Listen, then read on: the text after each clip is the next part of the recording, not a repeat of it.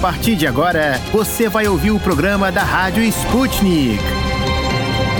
Olá, queridos ouvintes. Meu nome é Ana Liv Esteves e eu tô aqui com o meu colega Pablo Rodrigues para comandar mais um programa da Rádio Sputnik diretamente de Moscou.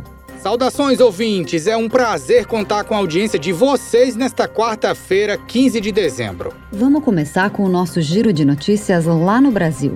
O site da Câmara dos Deputados começou a revelar os nomes dos parlamentares que solicitaram recursos do chamado orçamento secreto. A publicação atende à decisão do Supremo Tribunal Federal que exigiu a divulgação do nome dos parlamentares que solicitaram emendas. Apesar da exigência, os documentos nem sempre revelam os nomes dos parlamentares, mas sim dos prefeitos que obtiveram os recursos. De acordo com os dados preliminares, os partidos que mais receberam recursos foram o Progressistas e PSD, que são justamente os partidos dos presidentes da Câmara, Arthur Lira, e do Senado, Rodrigo Pacheco. O partido do Lira recebeu 45 milhões de reais solicitados pelo líder do Progressistas, Cacá Leão da Bahia. Os demais 30 milhões de reais ficaram basicamente com o partido do presidente do Senado, PSD, o Podemos, partido que lançará a candidatura de Sérgio Moro à presidência da República, ficou com cerca de 6 milhões de reais. Mas ainda tem muito a ser revelado sobre o orçamento secreto, caros ouvintes.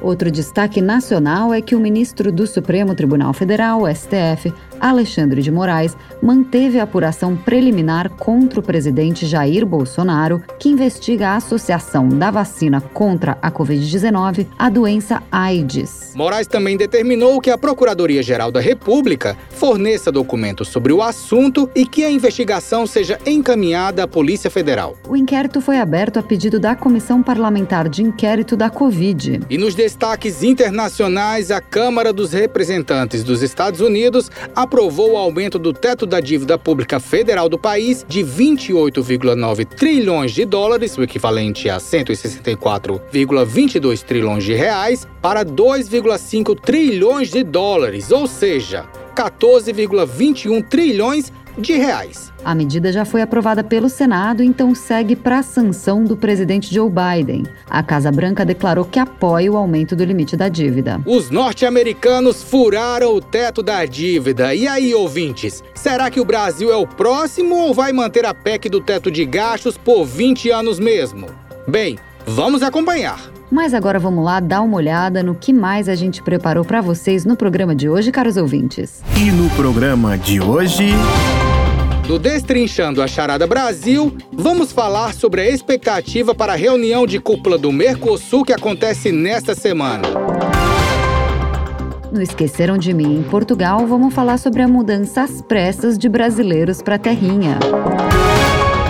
O Bombando no YouTube vai revelar como Putin complementava sua renda mensal após a dissolução da União Soviética. No Destrinchando a Charada Internacional, vamos saber um pouco mais sobre o fenômeno climático que matou dezenas de pessoas nos Estados Unidos na semana passada. O Hora do Problema vai desvendar, com a ajuda da paulista Giovana de Oliveira, a paixão dos russos pelo futebol do Brasil. E o Deu Russo, que é o nosso quadro de histórias bizarras da Rússia, vai contar o prejuízo que uma dona de um casaco de pele teve num restaurante japonês de Moscou. Destrinchando a charada. De dentro e fora do Brasil. Política, economia, sociedade e tudo que engloba o maior país da América Latina. As charadas mais complicadas do Brasil são destrinchadas aqui Queridos ouvintes, no Destrinchando a Charada Brasil de hoje, vamos falar sobre a reunião de cúpula do Mercosul que acontece nessa semana. Exatamente. O encontro, que deveria ser presencial em Brasília, ocorrerá de maneira virtual por opção do governo brasileiro, que alegou preocupação com o avanço da variante Omicron. Essa seria a primeira vez que o Jair Bolsonaro, que está na presidência do Mercosul, teria uma reunião de trabalho com o presidente argentino Alberto Fernandes. Apesar de alegar preocupação com a pandemia, O conflituoso relacionamento entre os líderes latino-americanos é apontado por alguns especialistas como o real motivo para que o encontro fosse virtual. Os dois líderes têm uma relação complicada desde a eleição de Fernandes, quando Bolsonaro afirmou que os argentinos escolheram mal ao eleger o peronista. Desde então, os dois trocaram diversas farpas públicas. Vale ressaltar que Brasil e Argentina são parceiros históricos e possuem grandes laços comerciais. A relação entre os dois piorou na última semana, quando Fernandes e a sua vice, Cristina Kirchner, receberam com festa o ex-presidente Lula em Buenos Aires. O petista, o principal adversário de Bolsonaro na corrida pela reeleição, participou do evento Democracia para Sempre, que marca os 38 anos de democracia no país. Além da relação tensa entre Fernandes e Bolsonaro, outros pontos econômicos devem ser discutidos durante a cúpula e as deliberações são aguardadas por diversos setores dos países membros. No Brasil, a Confederação Nacional da Indústria emitiu uma nota nesta semana defendendo a renovação dos regimes de importação do Mercosul, que tem vigência até o fim deste ano. A instituição afirma que a discussão é crucial para o planejamento de investimentos pelas empresas e deve ser prioridade na cúpula presidencial do Mercosul. Outro ponto que deve ser mais uma vez colocado é o acordo entre o bloco e a União Europeia, também definido como prioridade pela Confederação. Discutido há anos, o acordo enfrenta forte resistência de alguns países europeus. Para falar um pouco sobre a expectativa para a reunião de cúpula, convidamos o professor de Relações Internacionais da Universidade Veiga de Almeida, Tangi Badadi. Tangi, muito obrigada pela sua participação aqui na Rádio Sputnik. Professor, essa relação entre Bolsonaro e Fernandes pode afetar de alguma forma a relação entre os dois países ou pode ter reflexos na reunião de cúpula desta semana? É o maior risco nesse momento é exatamente o fato de que a Argentina ela está olhando para dois cenários de crise: uma crise doméstica, uma crise que envolve principalmente o presidente, a relação entre o presidente a vice, e uma crise internacional que é a crise do Mercosul. O Alberto Fernandes ele preferiu lidar com a questão doméstica. Me parece que muitos países, presidentes fariam uma opção similar. E para tentar unir o campo peronista, né, do qual fazem parte tanto ele quanto a vice-presidente, com quem tem atritos constantes, levaram Lula para Buenos Aires, um cenário bastante festivo, ali daquele dia 10 de dezembro, né, que é o Dia dos Direitos Humanos, um dia muito simbólico para a Argentina. Só que com isso ele acaba afetando profundamente a capacidade de ter uma reunião um pouco mais amistosa com a Argentina, né, na verdade no Mercosul, lembrando que essa cúpula aconteceria presencialmente em Brasília e foi feita a opção, portanto, por se mudar para uma cúpula virtual. Exatamente porque o clima não era dos melhores no momento absolutamente decisivo para o Mercosul. Com o período de pré-campanha a todo vapor no Brasil e a aproximação de Fernandes com Lula, a relação do mandatário argentino com Bolsonaro não deve melhorar. Enquanto isso, as demandas dos empresários de ambos os países continuam. A Confederação Nacional da Indústria defendeu nessa semana a renovação dos regimes de importação do Mercosul, que tem vigência até o fim desse ano. Tanguy, esse tema é um ponto pacífico entre os membros do bloco ou há algum tipo de interesse regional que possa dificultar a renovação? Não, isso é feito de praxe. Não é essa questão do Mercosul hoje. O problema do Mercosul hoje é com relação ao seu futuro. O que se espera para o Mercosul daqui para frente? A gente tem dois países que são favoráveis à manutenção do Mercosul nas bases atuais. Pode ser feita uma revisão aqui e acolá, que são Argentina e Paraguai, que consideram que qualquer mudança muito abrupta no Mercosul pode ser muito nociva para o interesse dos países. E a gente tem dois outros países que são é, que vem adotando uma postura bastante reformista, que são Brasil e Uruguai. O Uruguai, inclusive, já anunciou, a despeito do Mercosul, que ia começar a negociar um acordo de livre comércio com a China, algo que não é permitido, segundo as regras do bloco, não pode ser feito individualmente, tem que ser feito necessariamente em bloco, mas o Uruguai considera que se o Mercosul não está trazendo resultados, o país ele tem que ter liberdade para negociar por conta própria, e é uma posição defendida também pelo Brasil, a necessidade de o Mercosul fornecer, oferecer uma liberdade maior para os membros do bloco. Professor, tem alguma chance desse debate ganhar espaço na reunião de cúpula dessa semana? Na verdade, essa questão sobre o futuro do Mercosul, imagina se vai ser o assunto principal. É claro que uma cúpula virtual não dá espaço para uma discussão tão aprofundada quanto o encontro presencial entre os presidentes. Uma pena que não vai acontecer presencialmente. Mas esse é um momento central, absolutamente central, de definição do futuro do Mercosul. Então, eu imagino que esse vai ser o tema inescapável dessa reunião do Mercosul. Um tema debatido há muitos anos nas reuniões do Mercosul é o tão sonhado acordo de livre comércio com a União Europeia. O tema, inclusive, foi colocado como um dos pontos prioritários na reunião pela CNI. Com esse cenário que você colocou, Ainda há espaço para discussões nesse sentido na reunião de cúpula? A aprovação do acordo ela não está nas mãos do Mercosul nesse momento. Então não há nada a ser discutido na prática. Né? O Mercosul ele tem compasso de espera, aguardando qual é a posição dos países europeus. Esses países europeus é que tem que aprovar. É uma aprovação muito difícil de ser feita, porque tem que passar pelo parlamento de 27 países europeus. É algo bastante improvável que aconteça, é, pelo menos no curto prazo. Né? Você imagina, cada um deles tem que aprovar. Isso pode fazer fazer com que, num determinado momento, um país, por exemplo, não aprove. Né? Isso levaria, portanto, a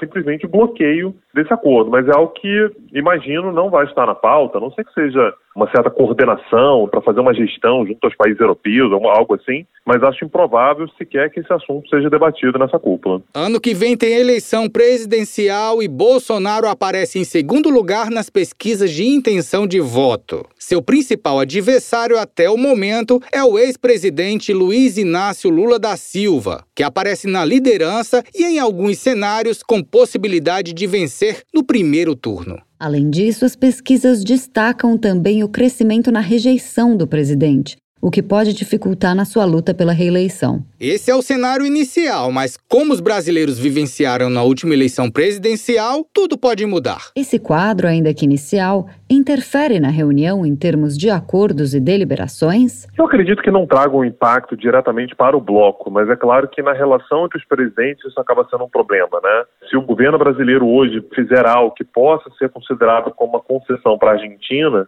fatalmente seria considerado uma concessão para um aliado do principal opositor do atual presidente, que é o ex-presidente Luiz Inácio Lula da Silva. Então, é claro que a relação ela fica um pouco mais azeda, mas não acredito que ninguém fique em compasso de espera por causa disso, até porque a definição ela tem que ser feita agora. Ainda existe mais um ano de mandato do Bolsonaro, então não acredito que o Mercosul ele possa se dar ao luxo de esperar durante mais um ano para iniciar uma discussão acerca do que vai ser o bloco nos próximos, sei lá, 10 anos. Ainda vivemos em um período de várias incertezas em relação à economia, sobretudo por causa do surgimento de novas variantes, como a Omicron, e a instituição de medidas restritivas para conter a propagação do vírus. Diversos países já instituíram a quarentena, fechamento de fronteiras e restrição de entrada de viajantes em função da propagação da variante Omicron. Todo esse cenário leva incerteza ao mercado, que teve novos períodos de isolamento e, consequentemente, os reflexos dele na economia. E aí, Tangi, qual é a importância do bloco nesse cenário? O Mercosul ele deveria ser muito importante. Ele tem tudo para ser muito importante. Mas os países da região aqui, né, os países membros do bloco, eles não fazem por onde para que o Mercosul consiga exercer toda a sua importância. É importante lembrar que, por exemplo, o Brasil, ao longo das últimas décadas, foi o maior parceiro comercial da Argentina. A Argentina era tradicionalmente a terceira maior parceira comercial do Brasil. Né? Então, a gente está falando aqui sobre um bloco que, naturalmente, ele já teria muita importância. Só que os problemas do bloco, o protecionismo, as exceções às regras do bloco, né? o jeitinho que se dá o tempo todo, e o Mercosul ele acaba não tendo um pleno funcionamento, o que acaba levando, portanto, o próprio bloco a não ser exatamente o trunfo que ele poderia ser nesse processo de retomada econômica. É uma pena. Imagino que o que esteja na discussão nesse momento seja exatamente a insatisfação de praticamente todo mundo. O Mercosul ele consegue um consenso nesse momento que absolutamente todo mundo está insatisfeito, com diagnósticos diferentes acerca do motivo da insatisfação, mas todo mundo está insatisfeito. E a discussão nesse momento é exatamente o que fazer para que o Mercosul ou volte a ter credibilidade, importância, centralidade, né, seja de fato um trunfo na solução para problemas aqui da região, ou que pelo menos dê liberdade para que os estados busquem suas próprias alternativas. É possível hoje apontar alguma tendência entre esses dois pontos que você colocou? Eu apostaria que o Mercosul ele vai acabar se tornando mais flexível da maneira como querem Brasil e Uruguai. Essa é a minha aposta. Não acho que isso vai levar ao fim formal do Mercosul, mas vai levar sim a um grande enfraquecimento do bloco e o bloco, portanto, ele vai dar liberdade para que cada cada estado possa negociar por conta própria. Isso aqui é minha opinião, é um chute, mas acredito que nesse momento a gente se encaminha mais para essa direção. Em meio às incertezas da pandemia, o Mercosul pode ter um papel importante para ajudar na retomada econômica do Brasil e dos outros países membros. Resta saber agora se os presidentes conseguirão superar as suas divergências na reunião de cúpula. Esse foi Tanguy Bagdadi, professor de Relações Internacionais da Universidade Veiga de Almeida. Professor, muito obrigado pela participação aqui na Rádio Sputnik. E o Destrinchando a Charada Brasil de hoje fica por aqui, caros ouvintes. Até a próxima.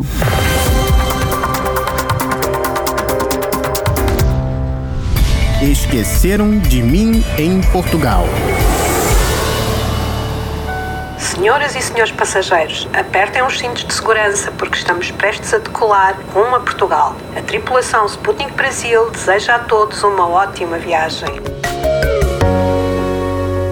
Chegou a hora do nosso quadro de notícias sobre Portugal. Bom, a gente já sabe que os brasileiros são a principal comunidade estrangeira residente lá na Terrinha. E será que a tendência é essa comunidade ficar ainda maior? Conte aí pra gente essa história, Luísa Ramos. Olá, Pablo. Olá, Ana. E olá, ouvintes da Rádio Sputnik. Bom, pessoal, com os recentes aumentos nos números de casos da nova variante Ômicron da Covid-19, o receio de um novo fechamento de fronteiras se tornou um medo real. Por conta disso, brasileiros com planos de morar na terrinha vêm acelerando suas mudanças para Portugal. Nas últimas semanas, várias prefeituras brasileiras cancelaram suas festas de Ano Novo e em Portugal, em cidades lusas, a situação não está diferente. Com o retorno de ações anti-Covid, como o uso de máscaras em locais abertos e algumas restrições que estão em andamento, surgiu o temor de que o país seja isolado novamente. Lembramos que, no seu pior momento da pandemia, Portugal cancelou todo todos os voos com origem ou destino ao Brasil. Isso foi em janeiro de 2021 e eu me lembro muito bem que eu comemorei ter conseguido voltar três dias antes desse fechamento completo, depois de ter passado as festas de fim de ano com a minha família no Rio de Janeiro. Foram 77 dias de bloqueio total que gerou dificuldades dos dois lados do Atlântico. Inclusive, cidadãos portugueses tinham dificuldade de voltar para Portugal naquela época. Depois, por cerca de um ano, o turismo não era permitido em terras lusas para pessoas vindas do Brasil. Somente podiam acessar o país residentes ou detentores de cidadania. Por isso, é natural que agora as pessoas comecem a temer um outro fechamento do tipo, visto que, inclusive, Portugal vai impor trabalho remoto e férias escolares extraordinárias por uma semana após as festas de Natal e Ano Novo. Isso para conter qualquer possibilidade de avanço, principalmente dessa variante, a Omicron, que ainda preocupa bastante a comunidade científica. A ideia é que as pessoas fiquem isoladas após o contato intenso entre familiares e amigos que pretendem se reunir e aglomerar para as celebrações. Em alguns grupos nas redes sociais, meus amigos, aqueles grupos de ajuda mútua, troca de informações para quem quer emigrar, muitos brasileiros brasileiros postam mensagens apavoradas com receio do cancelamento de voos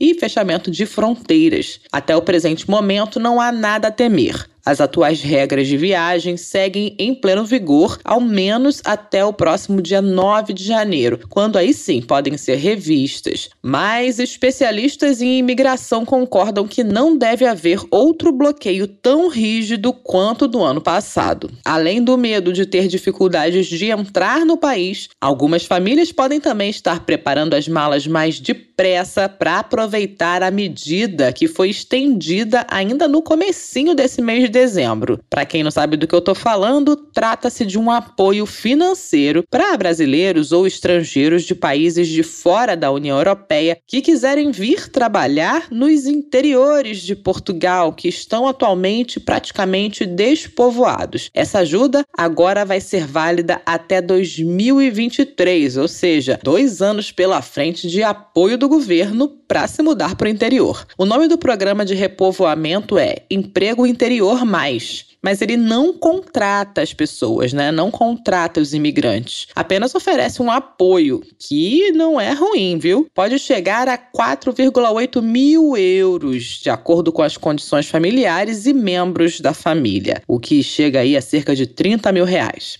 Mas a mudança tem que ser mesmo para o interior do país. A ajuda também é elegível para portugueses residentes no litoral ou portugueses que queiram voltar para o país. Olha, é uma boa ideia para quem é nômade digital, por exemplo, ou mesmo para empreendedores, freelancers, empresários, desde que comprovem a atividade autônoma. Quem tiver interesse nessa dica precisa ler mais e realizar candidatura no site do Instituto do Emprego e Formação Profissional o IEFP. É só jogar lá no Google que você vai saber tudinho sobre esse programa Emprego Interior Mais. Por hoje é isso, Ana e Pablo e estimados ouvintes. Um beijo, um abraço, cuidem-se. Olha, se eu tivesse planos de me mudar entrando no país como turista, eu teria também algum receio de um fechamento de fronteiras em Portugal. Até porque ninguém sabe como vai ficar essa variante da Covid-19 após as festas de fim de ano, não é mesmo? Pois é, Pablo, não tem mesmo como prever.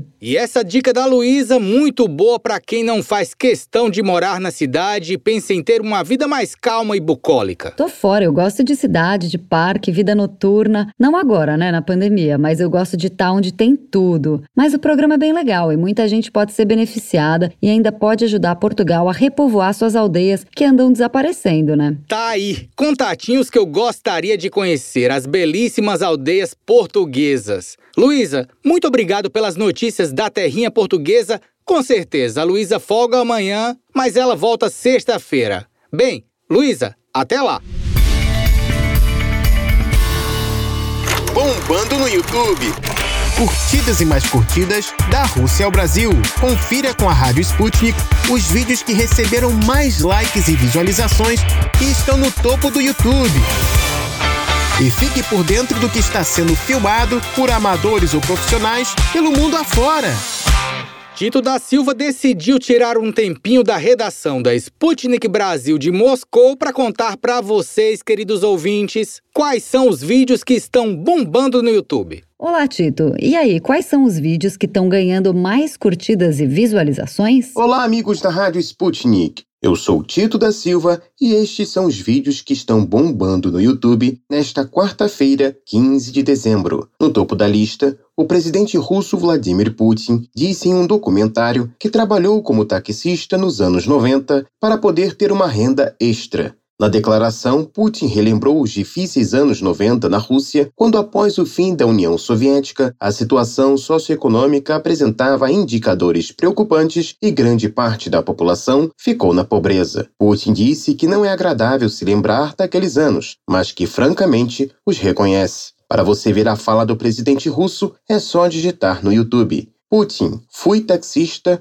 para sobreviver depois da queda da União Soviética. E no segundo vídeo de hoje, os Emirados Árabes Unidos decidiram abandonar as negociações de aquisição do caça de fabricação norte-americana F-35. Desde a administração Trump, o país árabe negociava termos de um contrato de compra de 50 unidades do moderno caça, além de 18 drones para fins militares. Contudo, após Joe Biden assumir a presidência dos Estados Unidos, o caminho das negociações teria mudado, com Washington estando preocupada com a presença de tecnologia de telecomunicações chinesa no território dos Emirados Árabes, para evitar que informações sensíveis do caça pudessem ser tomadas pelos chineses. Os Estados Unidos pressionaram os Emirados Árabes para aceitar certas condições para o uso do F-35, o que foi rejeitado pelo governo árabe. Para maiores detalhes, é só assistir ao vídeo digitando no YouTube Fator chinês barra venda de F-35 dos Estados Unidos para os Emirados Árabes. E no terceiro vídeo de hoje, nesta semana, completam-se 10 anos de Kim Jong-un no poder da Coreia do Norte.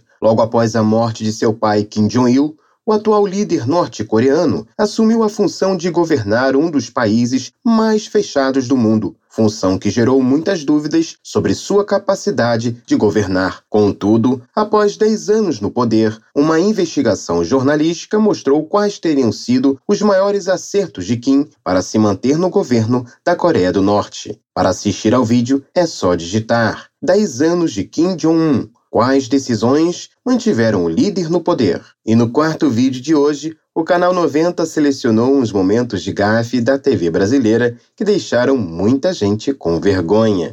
Tipo, alguém ligando para a jornalista do Globo News bem na hora dela estar passando a notícia direto do estúdio. Mas sabe aqueles momentos em que a repórter não sabe que está ao vivo e fica o tempo todo arrumando o cabelo para sair no ar? Outra coisa que irrita bastante os jornalistas é o ponto eletrônico que fica bem na orelhinha deles, por onde eles recebem inúmeras ordens e sugestões do pessoal da produção. E no quinto vídeo de hoje, o canal Nerd Show voltou a fazer um vídeo para refrescar nossa memória sobre o passado da gente. Desta vez, foram alguns programas bem bacanas que a gente via na TV. Um deles foi a novela O Bem Amado da Globo, que foi ao ar em 1973. A novela foi a primeira em cores da TV brasileira e também um sucesso pela sua história muito que interessante, trazendo elementos 100% nacionais. Na história, o prefeito de uma pequena cidade resolveu fazer uma pequena promessa de campanha: construir um cemitério. O problema é que após vencer a eleição e construir o cemitério, ninguém morre na cidade para inaugurar a construção. A novela, além de divertida, também foi a primeira da Globo a ser exportada. E por hoje é tudo, pessoal. Até mais. Se vocês ouvintes estão passando perrengues de grana, saibam que até mesmo Vladimir Putin já teve que complementar a renda do fim do mês fazendo bicos como taxista. Pois é, pessoal. Em entrevista, o presidente da Rússia afirmou que trabalhava como taxista para sobreviver à dissolução da União Soviética. Não precisamos nem ir muito longe para vermos brasileiros que estão complementando hoje em dia a sua renda com corridas através de aplicativos como Uber e 99 no Brasil, não é mesmo? Se a gente analisar o aplicativo Uber, já são mais de um milhão de motoristas cadastrados em sete anos. São muitas corridas, caros ouvintes. Tito, muito obrigado por revelar para a gente essa novidade antes desconhecida de Putin e por dar um giro internacional nos vídeos do YouTube. Um abraço!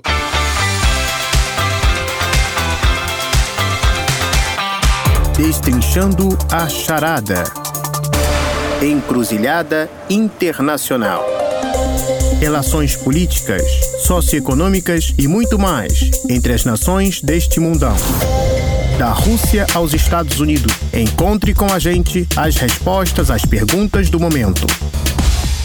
No Destrinchando a Charada Internacional desta quarta-feira, dia 15, vamos falar um pouco sobre o fenômeno da natureza que deixou pelo menos 88 mortos e mais de uma centena de desaparecidos nos Estados Unidos. O estado mais afetado foi Kentucky, onde pelo menos 70 pessoas morreram durante as tempestades, que também causaram estragos no estado de Illinois, Arkansas, Tennessee e Missouri. A trilha de destruição pode chegar a 380 quilômetros. Literalmente uma trilha que ninguém quer passar. Esse evento trágico agora figura como a tempestade mais grave já registrada no país desde 1925, quando o tornado mais longo até então havia se estendido por 352 quilômetros e causado 695 mortes. O governador do Kentucky, Andy Bechar, declarou estado de emergência antes da meia-noite de sexta-feira, dia 10. Ele disse emocionado à CNN que a série de tornados é a mais mortal da história do estado. A situação ficou caótica e mobilizou equipes de salvamento para ajudar no resgate das vítimas. A tempestade também causou a interrupção no fornecimento de energia para cerca de 290 mil pessoas. No Illinois, funcionários estavam presos em um galpão da Amazon quando trabalhavam no processamento das entregas para o Natal. E nesse momento, a estrutura foi atingida pela tempestade e destruiu muitas das encomendas, destruiu o telhado, foi um terror. A pior perspectiva é que haja aumento do número de mortos em Mayfield, cidade mais afetada de Kentucky. Dentre as pessoas que perderam a vida na tragédia, havia bebês de 5 meses até idosos de 86 anos. Fotos e vídeos publicados nas redes sociais são chocantes. As imagens mostram a destruição em Mayfield e outras zonas afetadas. São prédios totalmente destruídos, estruturas de metal retorcidas, árvores com a raiz arrancada e escombros espalhados pelas ruas. Uma verdadeira cena de guerra. No entanto, a causa foi natural.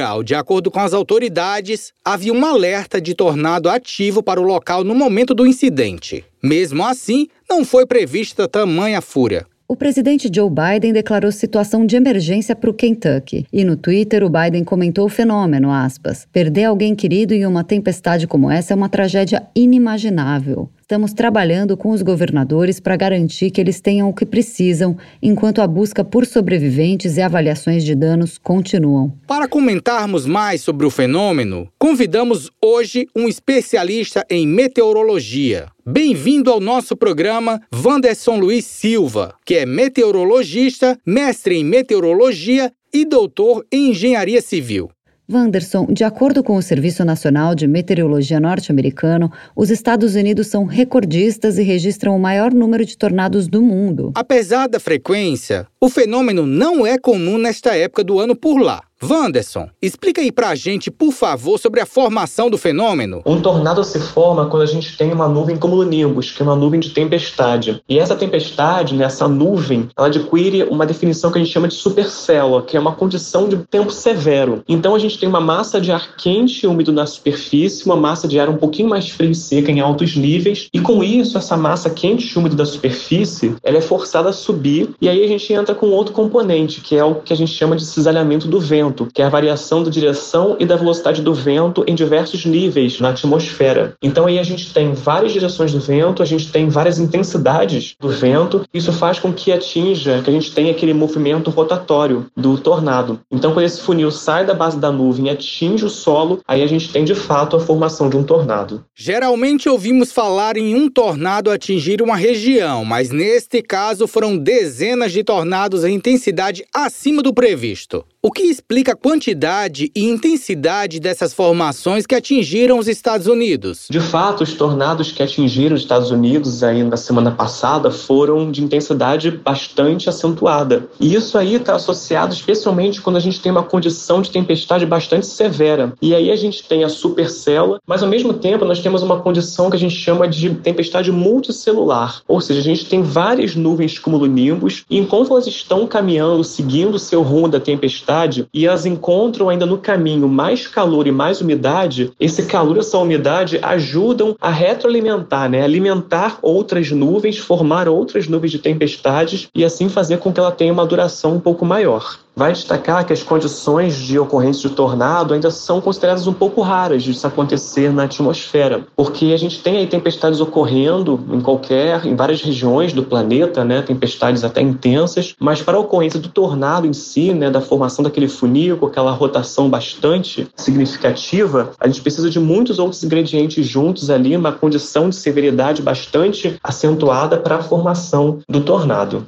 Professor, alguns especialistas disseram ao jornal The Washington Post que o tornado quádruplo foi o mais longo e mais forte que o normal para o período. Outros disseram que é inexplicável que isso tenha ocorrido a esta altura do ano. E aí, as temperaturas podem ter influenciado este efeito tão devastador? O principal ingrediente para a formação de um tornado é calor e umidade. E nessa época nos Estados Unidos, eles já estão quase entrando aí na estação do inverno, que é uma estação já bastante fria. Então, ter temperaturas elevadas na região região lá onde ocorreram os tornados não é algo muito comum para essa época do ano. Realmente, esse mês de dezembro está com temperaturas um pouquinho acima da média em relação ao que de fato é registrado lá na região onde ocorreram os tornados. E um grande combustível é justamente esse, a calor e umidade. Então, a vinda aí de bastante calor e umidade, especialmente do Golfo do México, né, em direção ao centro ali dos Estados Unidos, encontrando provavelmente alguma massa de ar um pouco mais fria vindo do Canadá, vindo de latitudes um pouco maiores, esse choque que aí pode ter favorecido de fato a formação dessas tempestades aí bastante expressivas, né, bastante intensas, provocando a formação também desses tornados. Portanto, a época preferencial de ocorrência dos tornados é geralmente na estação mais quente, entre a primavera e o verão, né? Especialmente lá nos Estados Unidos, o final da primavera e início do verão costumam registrar tempestades bem mais severas com incidência aí de tornados. Por isso é bastante incomum tanto eles ocorrerem nessa época do ano, quanto também a intensidade com que eles aconteceram, né, com que eles atingiram essas cidades. Entendi, Wanderson. Então, realmente a gente pode dizer que é um fenômeno raro e que não deveria acontecer às vésperas do inverno.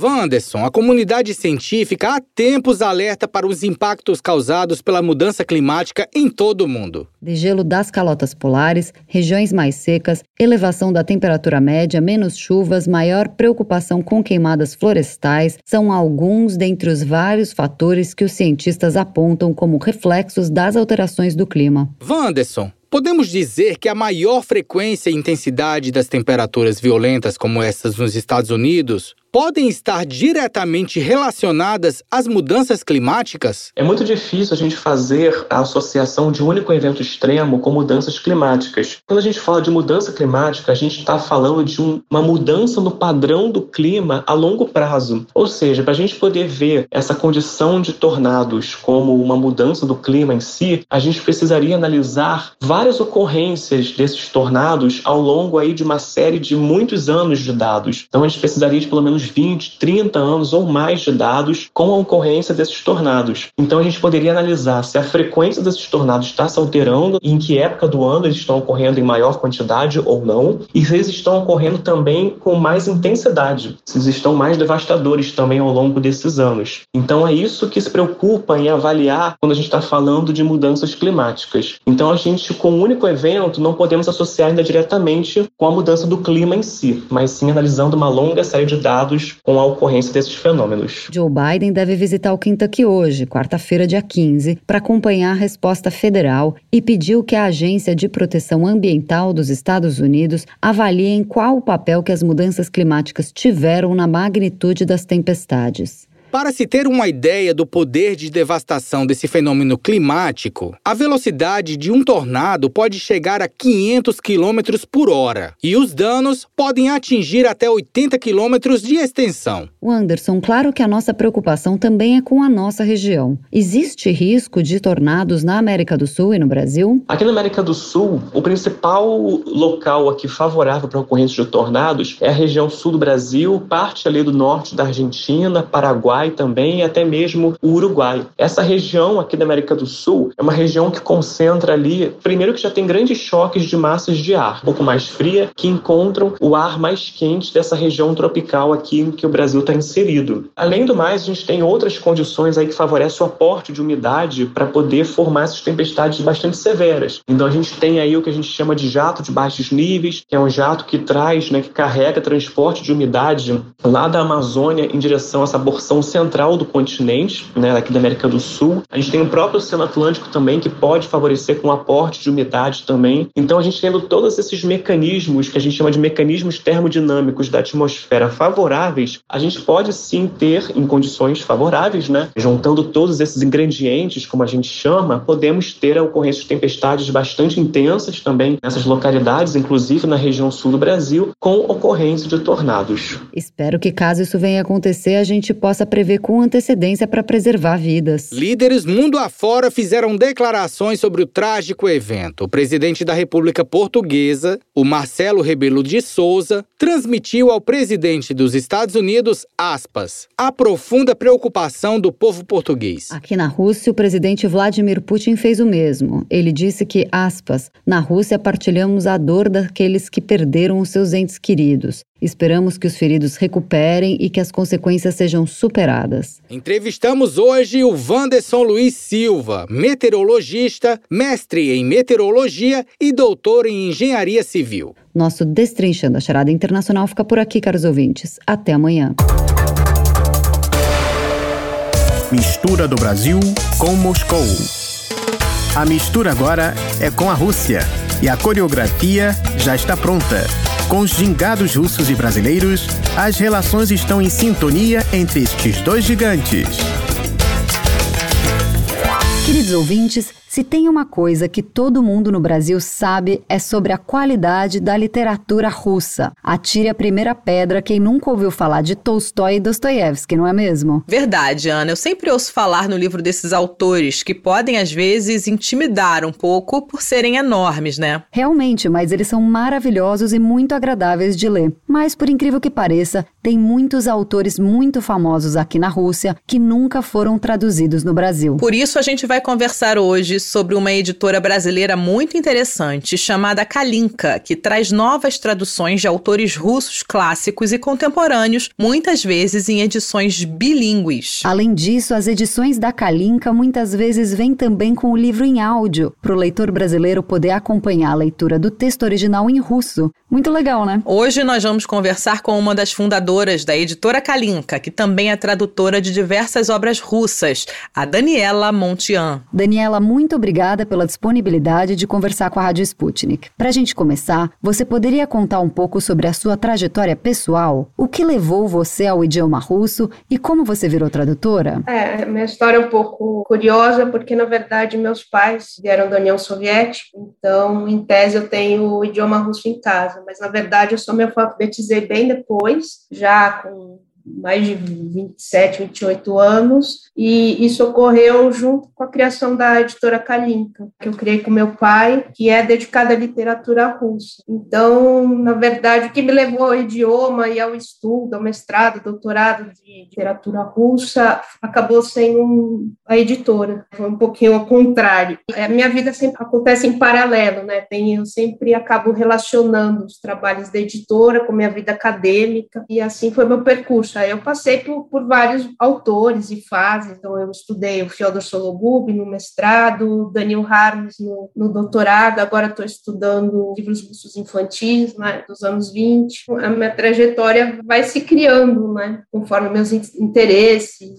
Daniela, no mês de novembro, a Rússia celebrou 200 anos do nascimento do Dostoiévski. Na sua opinião, por que Dostoiévski segue como um dos autores russos mais editados e mais populares do Brasil? Não só no Brasil, né? Ele tem aí um papel de destaque. Explicar exatamente por que Dostoiévski, em detrimento de outros, porque o nome dele acaba ganhando mais destaque do que outros, ninguém pode explicar. Isso não acontece na Rússia, por exemplo. Tem uma coisa curiosa, eu estava estudando uma aula do Bikov, enfim, ele é super famoso aí, e ele estava questionando justamente isso, porque o autor russo mais famoso no Ocidente, o que não ocorre aqui, e ele acha que ele traz características muito ocidentais, Dostoiévski. Normalmente a gente pensa de outra maneira, né? mas ele acha que ele, ele se embebeu muito de Dickens e Balzac e ele enxerga muito esse elemento de ligação é, é, curioso porque normalmente Dostoiévski é apresentado como autor é, russo por excelência. Mas, por outro lado, ele sim é um escritor é, extremamente russo, porque ele pegou essas influências e levou para a Rússia, que os russos sempre fazem, né? e traduziu para o mundo russo e para o mundo dele em particular. Eu acho que uma das grandes características da literatura de Dostoiévski que chama tanta atenção da gente é que ele conseguiu determinar e definir o rompimento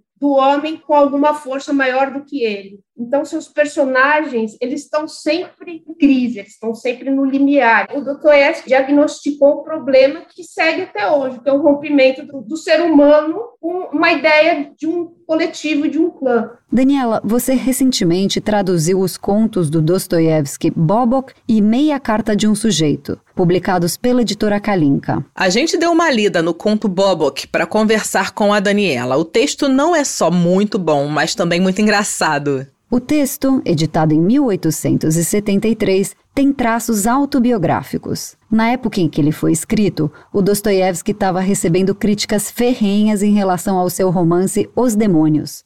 Ele foi inclusive chamado de louco por alguns críticos literários. E no texto de Bobok, Dostoiévski dá o troco. Escreve coisas geniais como, aspas, os críticos podem chamar alguém de louco, mas não conseguem produzir ninguém melhor. É o Dostoiévski lacrando desde 1873, caros ouvintes. E no conto, o narrador está em um cemitério e ouve uma conversa pra lá de inusitada entre os mortos. Daniela, você poderia contar pra gente por que selecionou o conto Bobok e meia carta de um sujeito para traduzir para o português? O que aconteceu foi o seguinte, que o Jorge da editora Edren, ele tem esse projeto de publicar o Diário de Escritor integralmente, são vários volumes. E ele convidou a mim e meu pai para a gente traduzir. E entre os artigos havia esses dois textos, é o mesmo narrador, Babó e Meia Carta de um Sujeito. Então, na verdade, são dois textos que saíram no Diário de um Escritor. E é um texto que eu gosto muito também, que é um texto que ele trabalha com o elemento do humor, que eu adoro, é, ele trabalha muito com Gogol, que eu adoro. Então, para mim, tinham todos os elementos que eu acho que poderia dar uma, uma edição interessante. Mas o Baboca e Meia Carta de Sujeito, os dois saíram na revista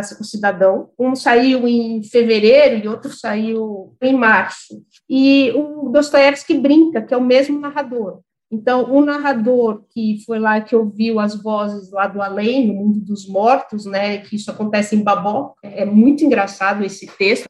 E, mas esse narrador que aparece em Babok é o mesmo narrador que aparece na meia carta de um sujeito, que ele fala da briga de dois folhetinistas. É, eu chamo a atenção desse texto, meia carta de um sujeito, pelo início. Dostoiévski fala que é um sujeito que entrou na, na redação de um cidadão cheio de cartas e reclamações, e a carta era tão absurda, esse texto, que ele rasgou metade, Dostoiévski falando mas o narrador, que é esse, esse narrador de Babok, por uma questão de protesto, ele pediu, então, para ele publicar o texto como meia carta, né, já que o Dostoiévski, em tese, teria rasgado a primeira parte de tão absurdo que era. Daniela, conta pra gente quais outros autores russos que você gostaria de ver traduzidos para o português. Tem vários autores que a gente tem trazido, por exemplo, da Vlatov, a gente publica da Vlatov, então a gente já publicou três textos e está sendo muito bem recebido, né, o humor de Davlatov, a concisão, o elemento também jornalístico, né, porque ele era um jornalista também, então é um autor que a gente trouxe e fico muito feliz com isso. Isso não é nenhuma novidade, na Rússia é conhecidíssimo, mas no Brasil ainda não era, a gente trouxe textos de autores também do início, a gente gosta muito da Era de Prata, né? Então, dos anos 20, então, Daniel Harms, foi um autor que eu estudei, o absurdismo, que também trabalha muito com humor e, e também trabalha muito com a noção de absurdo da existência, da forma dele. Então, a gente tem uma coletânea, então é um autor que eu gosto muito. A gente trouxe autores também totalmente desconhecidos, como o da Buitin, da época de Harms, um modernista muito bom. A gente tem uh, Gorenstein, que é um autor que não é muito conhecido como romancista, mas é,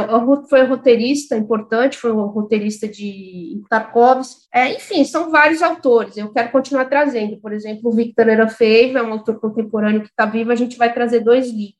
Esse ano eu preciso dizer que foi o ano da literatura infanto-juvenil russa, né, na Kalinka. Como eu estou estudando isso, acabei também levando um pouco para a editora, porque não tinha quase nada de literatura, isso não tem mesmo, de literatura infanto-juvenil russa, é muito pouquinho. Então, a gente trouxe uma antologia de contos russos juvenis, com autores como Sasha Chorny, com autoras que não eram conhecidas como Lydia Charskaya, e textos e livros para crianças, assim, em fases pré-alfabetização. Então, aí de grandes nomes da vanguarda russa, a gente trouxe a Vera Ermolaeva, o Davi Sterenberg. Quero continuar trazendo nomes dessa época, tanto para o universo infanto-juvenil, né, editorial infanto-juvenil, como para adulto. A Daniela citou um autor muito importante para a história da literatura russa, que é o Sergei Dovlatov. Dovlatov teve dificuldades para editar seus livros na União Soviética e acabou emigrando para os Estados Unidos em 1979. Na década de 80, durante os anos da perestroika, os livros dele finalmente foram publicados na sua terra natal e foram muito muito bem recebidos. Recentemente, o diretor russo Alexei German lançou um filme sobre a vida de Dovlatov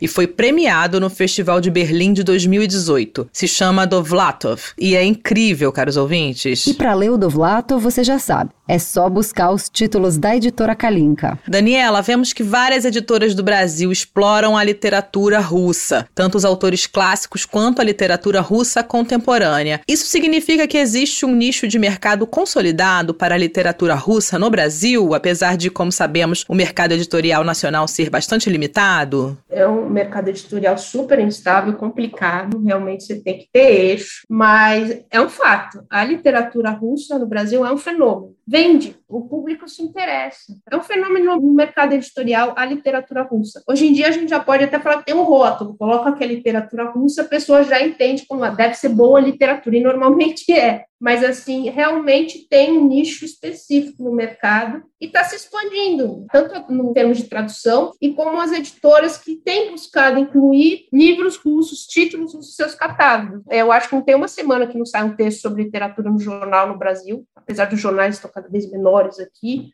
o espaço para a literatura também, mas assim, tem um espaço. Sim, a literatura tem espaço aqui na Rádio Sputnik também. Daniela, muito obrigada pela entrevista, foi um prazer conversar com você. Bom, queridos ouvintes, essa foi a tradutora e fundadora da editora Kalinka, Daniela Montian. O inverno com nevascas e mais nevascas aqui em Moscou e minha cabeça, queridos ouvintes em um lugar bem distante, em outra estação. Eu só penso é no verão de São Petersburgo. Que cidade linda, não é mesmo, Ana? Com certeza. São Petersburgo é incrível, principalmente no verão, quando tem as noites brancas, que é quando a cidade literalmente não dorme. E quando me vem à cabeça São Petersburgo, eu já me lembro da Copa do Mundo de Futebol, que foi realizada aqui na Rússia em 2018 e teve São Petersburgo como uma das cidades sede. Verdade, Pablo. Você já viajou para lá na época da Copa, não foi? Justamente, a Sputnik Brasil me mandou para lá para sondar o que estava acontecendo em época de Copa e olha, tinha muito brasileiro. E um deles era a estudante de história Giovana de Oliveira, que na época estava morando na Rússia. Vamos conversar com ela? Olá, Giovana. Всем привет! Olá a todos! Um previa também à Rádio Sputnik, que eu quero agradecer desde já pelo convite. Eu sou a Giovana de Oliveira, moro aqui na região da ABC Paulista e sou estudante de licenciatura e bacharelado em História pela Fundação Santo André, uma faculdade histórica aqui da nossa região.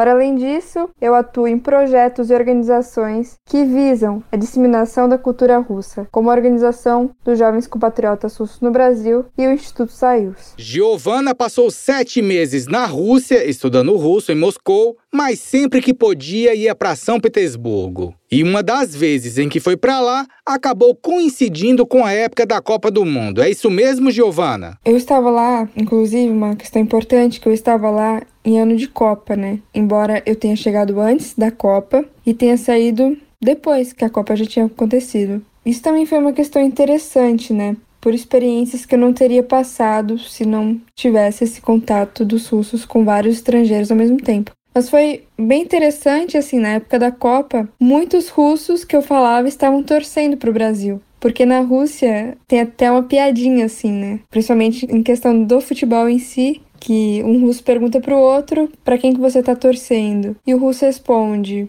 Rússia. Claro, pela Rússia. Mas aí o outro russo vai falar: Ok, mas depois que a Rússia perder, para quem de fato você está torcendo? E aí eu via que muita gente estava torcendo para o Brasil mesmo, né? Isso foi uma coisa muito legal. E quando eu saía com a bandeira do Brasil era fenomenal, porque várias pessoas paravam assim, pediram fotos para tirar. Eu falava em russo e eles ficavam impressionados, eles gostavam muito. Falavam: "Nossa, você sabe russo, né?" Enfim, foi uma experiência sensacional nessa época de Copa e principalmente mostrar que eu era do Brasil, uma questão bem relevante aí de como os russos gostam do Brasil. Enfim, foram experiências bem bacanas, algumas, outras como essa que eu contei de São Petersburgo, outras piores, né, assim, de casos de hostilidade mesmo em Moscou ou em São Petersburgo, também passei por algumas, mas que no final me trouxeram bastante experiência no geral. Há muitas e muitas histórias, com certeza. Olha só, Giovana. E nós queremos ouvir mais e mais relatos seus passados aqui na Rússia, hein? Em relação ao futebol, a Giovana falou tudo. Os russos adoram futebol e muitos deles torcem pelo Brasil. Não é à toa que os times daqui contratam jogadores brasileiros. Só não sei se gostam mais do futebol do Brasil ou dos brasileiros, porque uns amigos meus estavam em São Petersburgo também em época de Copa e eles saíam com a bandeira do Brasil pelas ruas e os russos faziam uma festa. Pediam fotos, perguntavam de onde eles são e o que estavam fazendo na Rússia, tipo essas coisas. E não é só em São Petersburgo, não. Nas outras cidades sede da Copa do Mundo era a mesma coisa. E aqui na capital russa, Giovana? Você que passou sete meses aqui em Moscou, não pensa em voltar para a Rússia? Eu pretendo ainda voltar para a Rússia. Penso em fazer uma pós-graduação, né? Por exemplo, me aprofundando na história da Rússia gostaria de fazer em São Petersburgo, né? Mas sei lá, se estivesse em alguma cidade mais afastada também, por que não, né? Eu só não acho que eu gostaria de estudar novamente em Moscou. É claro que se tivesse oportunidade seria bom, mas queria passar um tempo em outras cidades, né, para conhecer mais até do povo russo, né? porque os próprios russos falam que Moscou é uma coisa, né? O resto da Rússia é muito diferente, né? Então, eu gostaria bastante de ficar em outra cidade que não Moscou dessa vez, né? Tem razão, Giovana. Moscou é um mundo à parte e muitos russos dizem que São Petersburgo também é. Mas seria bacana morar num município russo mais afastado das grandes cidades. Giovana, muito obrigado por dividir um pouco de suas experiências na Rússia com a gente da Rádio Sputnik. Por fim, depois de falar tanto, eu gostaria de agradecer novamente à Rádio Sputnik pelo convite Spasiba. Gostaria de agradecer também o Matheus Gussiev, que graças a ele eu estou falando aqui na rádio. Também pelos vários projetos que nós desenvolvemos juntos, incluindo o Instituto Saius. Também gostaria de agradecer a minha mãe, porque sem ela nada disso seria possível. Meu sonho de ir à Rússia, o meu estudo do idioma, nada. Então, obrigada por tudo, mãe. E os meus amigos russos, Artyom, Vladimir e dentre outros, que me ajudaram muito no período que eu estive na Rússia. E não só os russos, como outros que eu conheci lá, como Jap e Ardelino, meus amigos moçambicanos. Então, muito obrigada, spasiba большое e das vidania. Até logo. Desejamos muito sucesso para você, Giovana de Oliveira. Um abraço forte.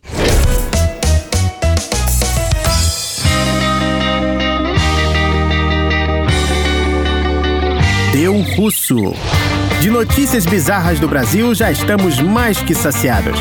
E as bizarrices que acontecem na Rússia, hein? É outro nível, rapaziada. Ih, deu russo! Queridos ouvintes, em Moscou, jantar em um restaurante japonês pode sair muito caro para seus clientes, principalmente para quem anda com casacos caríssimos. Ué, mas o que, que tem a ver um casaco de pele com um restaurante japonês, Pablo? Bem, Ana, acho que antes de tudo é bom explicarmos para os nossos ouvintes que em época de inverno, os estabelecimentos russos abrem seus guarda-roupas que é como os russos chamam a zona de entrega de casacos. Verdade, Pablo. Antes de ir para a mesa, o cliente já passa pelo guarda-roupa do restaurante e deixa lá o seu casaco. Assim, os casacos não ficam amontoados ou pendurados na zona das mesas. E tem guarda-roupa em tudo quanto é canto: em clínicas, em instituições de ensino e, claro, em restaurantes. E quem recebe os casacos é um funcionário do estabelecimento que dá um número para o dono do casaco para que depois ele receba sua vestimenta. Ah, eu sempre uso esse serviço, até porque ficar andando com o casaco debaixo do braço para lá e para cá não dá, não é mesmo? Sem contar que é muito seguro, até porque sem o número não dá para você receber o casaco. Pelo visto, Ana, nem todos os estabelecimentos da capital russa são tão seguros assim e eu vou contar o porquê. Em um restaurante japonês, uma moscovita chegou para jantar e decidiu deixar no guarda-roupa do estabelecimento seu casaco. Mas não era qualquer casaco não, querido queridos ouvintes? O casaco da moscovita era de pele, caros ouvintes, mais especificamente de pele de lince. E todo mundo que mora na Rússia sabe que esse casaco de pele de lince custa o olho da cara. Pois bem, a cliente deixou o casaco, recebeu o número e foi jantar. Depois de encher a pança, a moscovita foi pegar o casaco. Mas cadê o casaco de pele? O funcionário recebeu o número da russa e quando chegou no cabide onde devia estar o casaco, não tinha nada. Nada, nada. Daí começou o corre-corre para achar o casaco de pele da moscovita. O funcionário conferiu cada casaco que estava no guarda-roupa. Talvez o casaco foi pendurado em outro cabide, nunca se sabe, não é mesmo? Mas não estava lá não. A dona do casaco perdeu a paciência, começou a reclamar dizendo que seu casaco custa 2 milhões e meio de rublos e exigindo que a sua preciosidade fosse encontrada. Seriam quase 200 mil reais, queridos ouvintes. Agora dá para entender a impaciência da dona do casaco e o desespero dos funcionários do restaurante japonês, não é mesmo? Depois de tanto pique-esconde, o restaurante assumiu a culpa, dizendo que justamente nesse dia duas clientes chegaram com casacos de pele muito parecidos, tão parecidos que acabou confundindo os números e dando o casaco de milhões de rublos para a cliente errada. Depois de uma comida japonesa muito gostosa, uma das clientes acabou voltando para casa com um casaco de milhões e a outra acabou ficando no vácuo e sem casaco, até porque o outro casaco que deveria ter ficado no guarda-roupa não estava lá. Será que esse restaurante acabou inventando que os casacos foram trocados? E aí, ouvintes, o que vocês acharam? Se inventaram, eu não sei. O que eu sei é que a dona do casaco de milhões acabou indo para casa passando frio, pois o casaco não foi achado e quem levou a peça preciosa para casa nem deu as caras.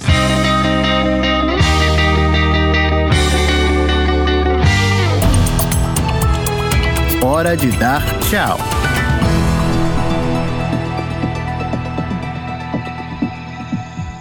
Estimados ouvintes, chegou a hora de dar tchau, pois o nosso programa desta quarta-feira, 15 de dezembro, vai ficando por aqui. Foi um prazer contar com a audiência de cada um de vocês. E amanhã estamos de volta com muito mais. Vamos ter entrevistas sobre temas nacionais e internacionais, averiguar o que está acontecendo em Portugal, saber quais são os vídeos que estão bombando no YouTube, ouvir muita música rara brasileira e ficar por dentro de bizarrices da Rússia. Quem quiser ficar por dentro das notícias do Brasil e do mundo, é só entrar nos canais da Sputnik Brasil no Twitter, no Facebook, no Telegram e no YouTube e no nosso site br.sputniknews.com. Até mais! O programa da Rádio Sputnik teve apresentação, produção e edição de texto de Ana Lívia Esteves e Pablo Rodrigues e produção de conteúdos e edição de texto de Everton Maia, Luísa Ramos e Tito da Silva. O tratamento de áudio foi feito por Irina Kolganova e Nikita Novikov. A edição e a montagem do programa são do Wellington Vieira e do Davi Costa. O editor-chefe da redação da Sputnik Brasil no Rio de Janeiro é o Renan Lúcio e em Moscou, Konstantin Kuznetsov. Você acabou de ouvir mais um programa da Rádio Sputnik.